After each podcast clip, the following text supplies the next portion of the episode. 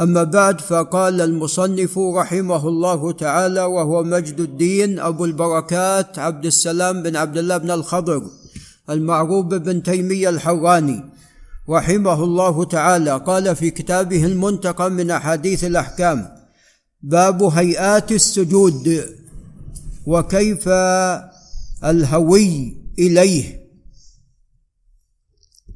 هيئات السجود لأن هناك أكثر من أمر يتعلق في السجود. نعم. فاولا أمر الإنسان أن يسجد على سبعة أعظم كما في البخاري ومسلم.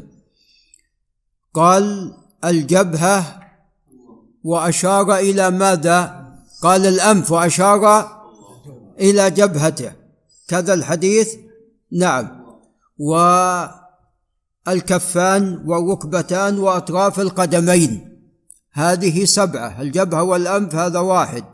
والكفان والركبتان وأطراف القدمين. نعم فهذه سبعة. فهذا اولا الإنسان مأمور بهذه السبعة أن تكون على الأرض.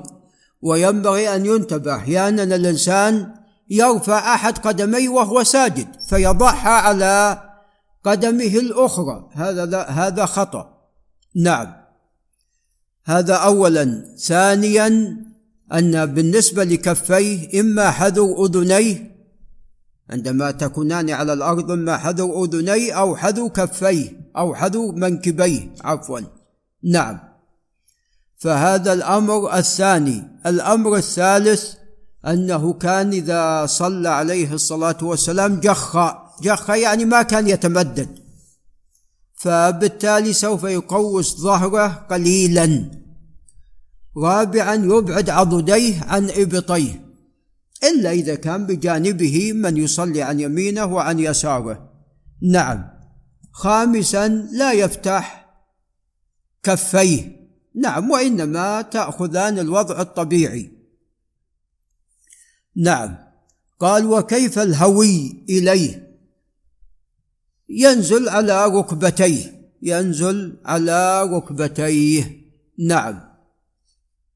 حديث وائل بن حجر أقوى من حديث نعم من حديث أبي هريرة.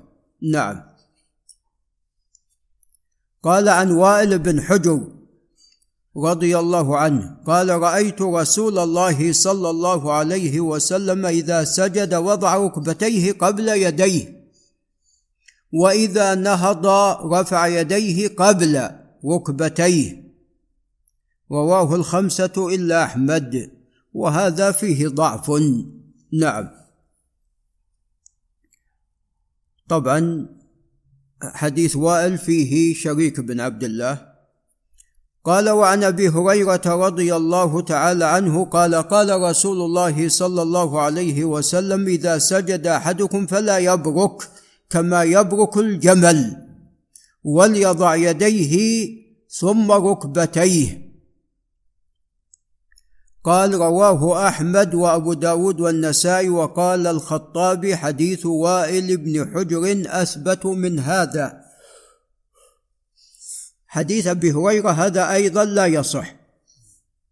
وإنما الذي ثبت موقوفا لا يبرك أحدكم كبروك الجمل الشارد هذا الذي ثبت موقوف وليس فيه وليضع يديه قبل ركبتيه.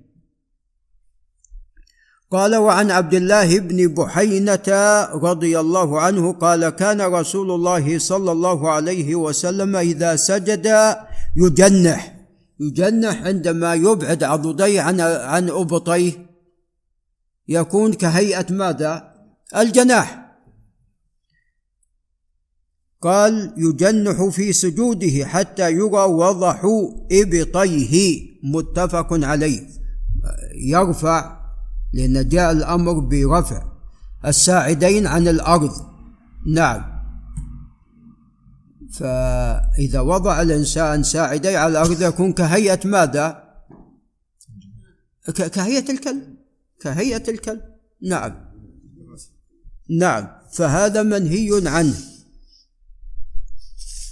قال وعن أنس رضي الله عنه نعم هذا هو الحديث عن النبي صلى الله عليه وسلم قال اعتدلوا اعتدلوا في السجود ولا يبسط أحدكم ذراعيه انبساط الكلب. فانبساط الكلب يضع آه، ذراعيه على الأرض.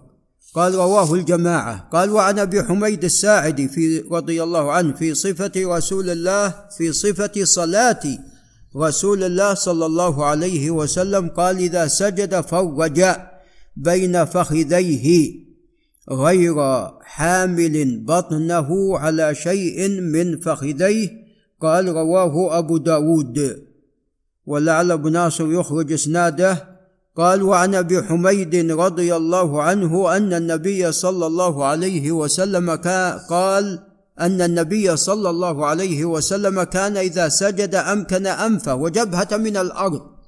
ترى يلاحظ لعل الابن طارق ينتبه يلاحظ كثير من الناس يضع جبهته ويرفع أنفه. فأنت جبهتك وأنفك كلاهما على الأرض. قال إذا سجد أمكن أنفه وجبهه من الأرض ونحى يديه عن جنبيه ووضع كفيه حذو منكبيه. رواه أبو داود والترمذي وصححه ولعل نقف عند هنا.